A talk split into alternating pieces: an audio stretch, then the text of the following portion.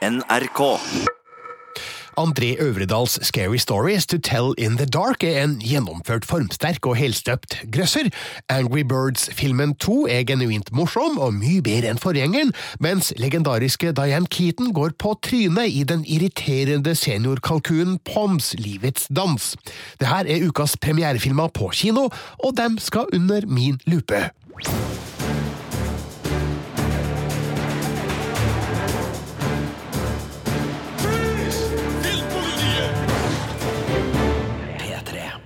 Jeg heter Birger Vestmo og er mutters alene her i dag pga. ferieavvikling. Eh, som du hører, er stemmen min litt eh, nasal. Det er pga. en sterk forkjølelse grunnet eh, mye bruk av aircondition i løpet av sommerferien. Så jeg håper du godtar litt snufs i minuttene fremover.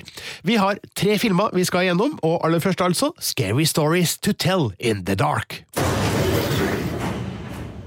Hey, what's going on? Tommy's missing. Tommy's name was in the book. There's no way it's actually connected, right?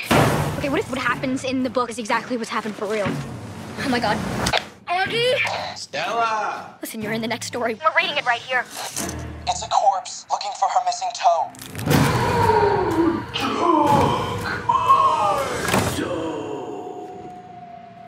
at den Oscar-vinnende filmskaperen Guillermo del Toro, kjent for filmer som Hellboy, Pans labyrint og The Shape of Water, valgte André Øvredal til å regissere sin siste produksjon, er en enorm tillitserklæring. Øvredal kvitterer med en gjennomført formsterk og helstøpt grøsser, der man gjenkjenner elementer fra begges respektive filmkarrierer. Den inneholder for eksempel noen skrekkelige skapninger som lett kunne ha vært med i Del Toros Pans labyrint, og noen nervepirrende sekvenser der det overnaturlige overlapper virkeligheten, akkurat som i Øvredals The Autopsy of Jane Doe. Spørsmålet er om det er nervepirrende nok. En film som heter Scary Stories to Tell in the Dark, gir på en måte en lovnad om seriøs skremming, men den er ganske mild i grøssinga. Den er morsom, underholdende og skikkelig godt skrudd sammen, men kun med fordel vært både skumler og råere.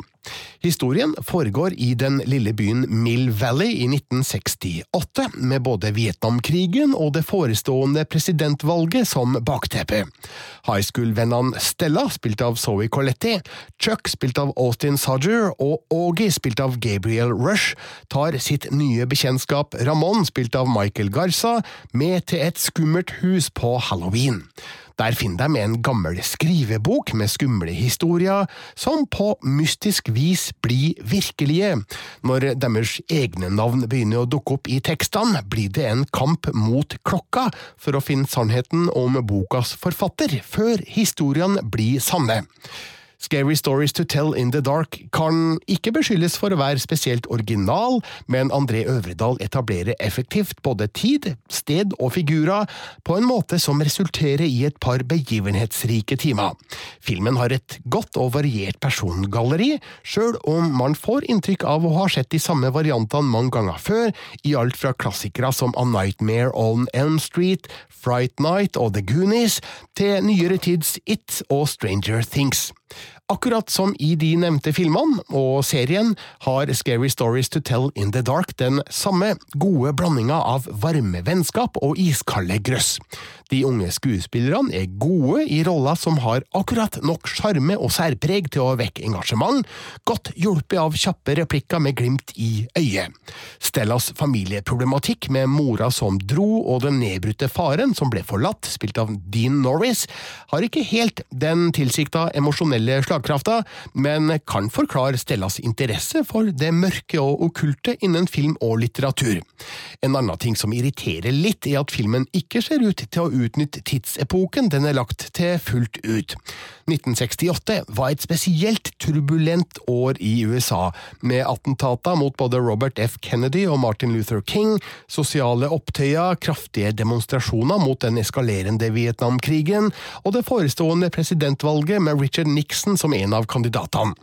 Noe av det her ser man korte glimt av på tv-skjermen, eller man hører lydklipp fra nyhetssendinga på radio, men det blir litt halvhjerta, og det er litt synd i en film der tidskoloritten ellers er praktfull, både når det gjelder det visuelle og musikkvalgene på lydsporet. Kaoset i verden rundt figurene kun har bidratt til å forsterke det skumle som skjer i deres nærmiljø. André Øvredal viser flere ganger en god evne til å skape lekre øyeblikk med forholdsvis enkle virkemidler, fra en korridorleik med en grusom skapning som stadig kommer nærmere og nærmere, et stedsforvirra møte med et fugleskremsel i Children of the Corn-aktige omgivelser, og uvanlig guffen kviseklemming på et skoletoalett, det er en klassiker som har gjemt seg under senga og ikke helt vite hvor monsteret befinner seg. Roman Aasins fortreffelige foto, Patrick Larsgaards effektive klipping og den stemningsskapende musikken av Marco Beltrami og Anna Drubic bidrar til å skape en uggen og utrygg atmosfære som samtidig virker merkelig inviterende. Det er gøy med gode grøss, og man vil tilbringe tid med de her figurene under de her omstendighetene. Scary Stories to Tell in the Dark er basert på en serie bøker med samme navn av Alvin Swartz. Du skal ikke se bort ifra at det kommer flere filmeventyr med de her figurene, men det avhenger av hvordan verdens kinopublikum responderer. Det spørs bare om filmen greier å skille seg ut i mengden av grøssere som stadig inntar kinoer og skjermer. Men den har flere udiskutable kvaliteter, men det er ikke til å komme fra at de samme kvalitetene er å finne andre steder. Når det gjelder amerikansk småbyskrekk med et nostalgisk tilsnitt, er det nok ikke den her som er høstens mest etterlengta.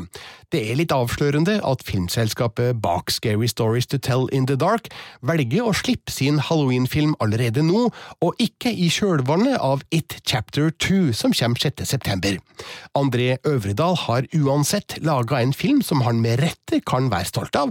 Den trykker på mange av de riktige knappene for tilhengere av gode, gammeldagse skrekkhistorier. Sarah Bellows' book. When the stories write themselves and it all comes alive. Who came up with all this sick stuff? Terningkast fire. Den neste premierefilmen som skal anmeldes, er Angry Birds-filmen 2. Vi har oppdaget at det fins en tredje øy. Vi må legge konfliktene våre til side og jobbe sammen. Å redde hele vår verden fra å bli ødelagt. Det vi virkelig trenger, er en helt. Dessverre er den stillingen allerede besatt. Hoja! ja! Fleipejuling! Vi må få samla sammen et arbeidslag. Vi skal befri deg. Etter at den første Angry Birds-filmen la lista lavt i 2016, var mine forventninger tilsvarende lave til oppfølgeren. Desto mer gledelig er det å kunne konstatere at den er mye bedre. Mens forgjengeren var en masete, fjollete og frenetisk animasjonssmørje, er Angry Birds-filmen 2 i tillegg genuint morsom, noe den første nesten ikke var i det hele tatt.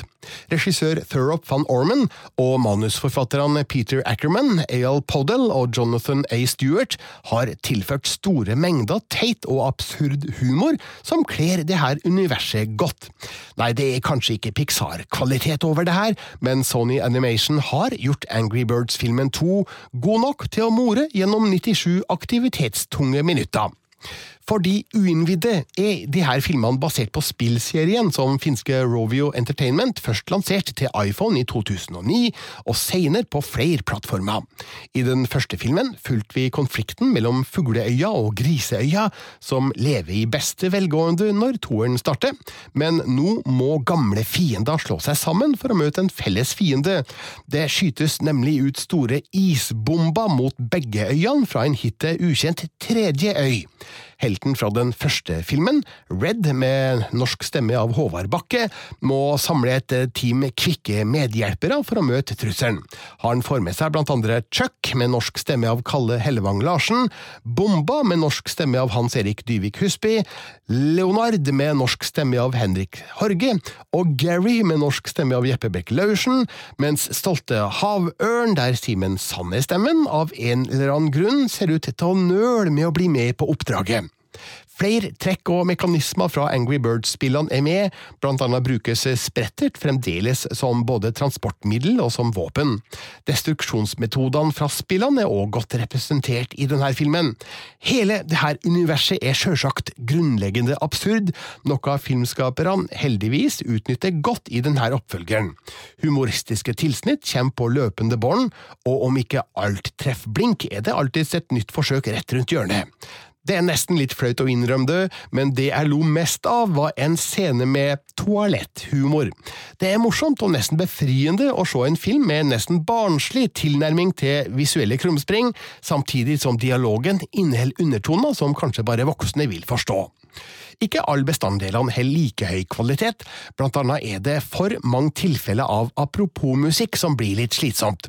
Stolte havørns emosjonelle reise kunne vært utnytta bedre, et sidespor med tre fugleunger som forsøker å redde tre egg, mangler filmens øvrige driv, og mot klimakset er det lett å miste oversikten over hva heltene egentlig forsøker å gjøre. Angry Birds-filmen 2 fullføres imidlertid med høy energi og fortellerglede, og etterlater seeren med et smil om munnen. Bomba, du er fortsatt! Jeg er jo voksen, mamma! Den beste lillesøsteren i verden. Jeg sa jo at hun var supersmart. Men hvem er det? Og hvorfor står navnet hennes på alle utmerkelser? Jeg tror ikke at det her vil funke. Ok, så uvanlig sint. Snakke med seg sjæl. Problemer med selvtilliten. Skeivhendt, sikkert ei heks. Er det gøy med å være aleine. Hun liker. Og så trenger vi muskler. En kongleboa. Terningkast fire. Ukas siste premierefilm heter Poms, livets dans. Welcome to Sun Springs Retirement Community. Have the time of your life for the rest of your life. We got everything you could ever need. Over a hundred clubs. Now, what brings you to Sun Springs? Oh, I'm just here to die. Uh huh.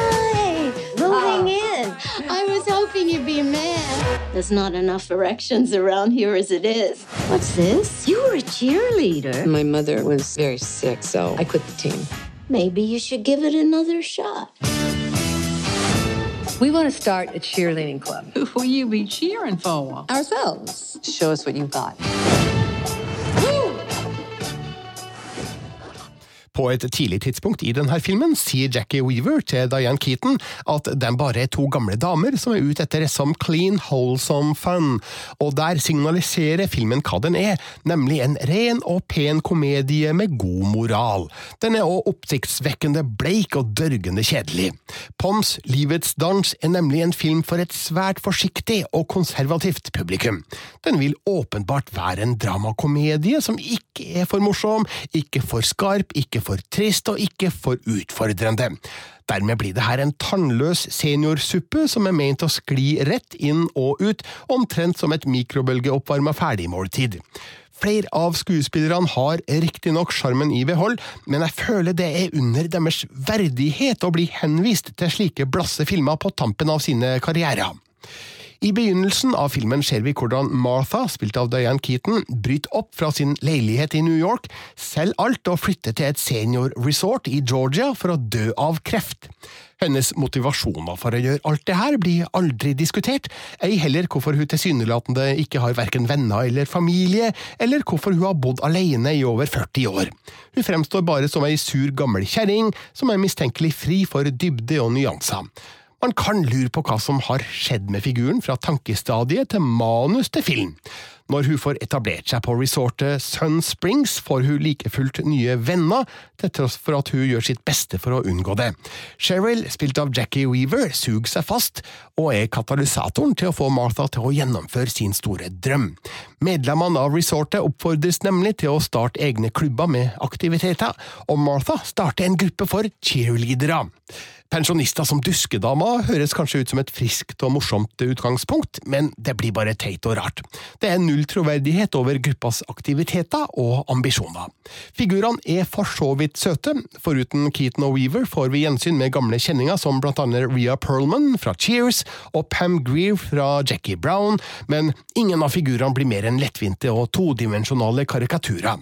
Dramatikken som er ment å drive historien fremover, er enkel og banal, humoren er altfor forsiktig, som om regissør Sarah Hayes er livredd for å såre eller støte. Det er for så vidt prisverdig at det lages filmer for et eldre publikum, men de fortjener noe langt saftigere enn det her. Poms Livets dans svinger seg enkelt rundt tematikk som livet, døden og kjærligheten, men har ingenting av verdi å fortelle oss. Den byr riktignok på trivelige gjensyn med noen gamle kjenninger som har merittlista de kan være stolte av, men det er trist å se dem i en slik irriterende kalkun av en seniorfilm. Derfor er det synd dersom Poms Livets dans opptar salgkapasitet foran filmer som garantert vil være bedre. Det her er nemlig for slapt og uinspirert til å være verdt en tur på kino. A competition. Let's sign up. We could do with a little help. We want you to be our choreographer. The oldest category is 18 plus. We're 18 plus. 18 plus 50. I'm not gonna lie to you, it's gonna be a lot tougher than I thought. When I jump too much, I get dizzy. I had my knee replaced. Did I mention I had chlamydia? Yeah, you did, along with a shocking amount of other information. Terningkast to. Det var ukas tre premierefilmer. Vi er tilbake om en uke. Da er det også tre interessante premierefilmer på gang, nemlig konsertfilmen Amazing Grace med Aretha Franklin.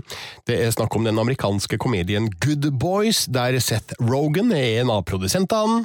Og så er det ikke minst snakk om Quentin Tarantinos nye film Once Upon a Time in Hollywood. Gi gjerne denne podkasten en eh, rating og en kommentar der du har henta den, og så kan du kontakte Filmpolitiet på filmpolitiet at nrk.no. Du kan følge oss på Instagram og på Twitter. Jeg heter Birger Vestmo og sier hjertelig tusen takk for denne gangen.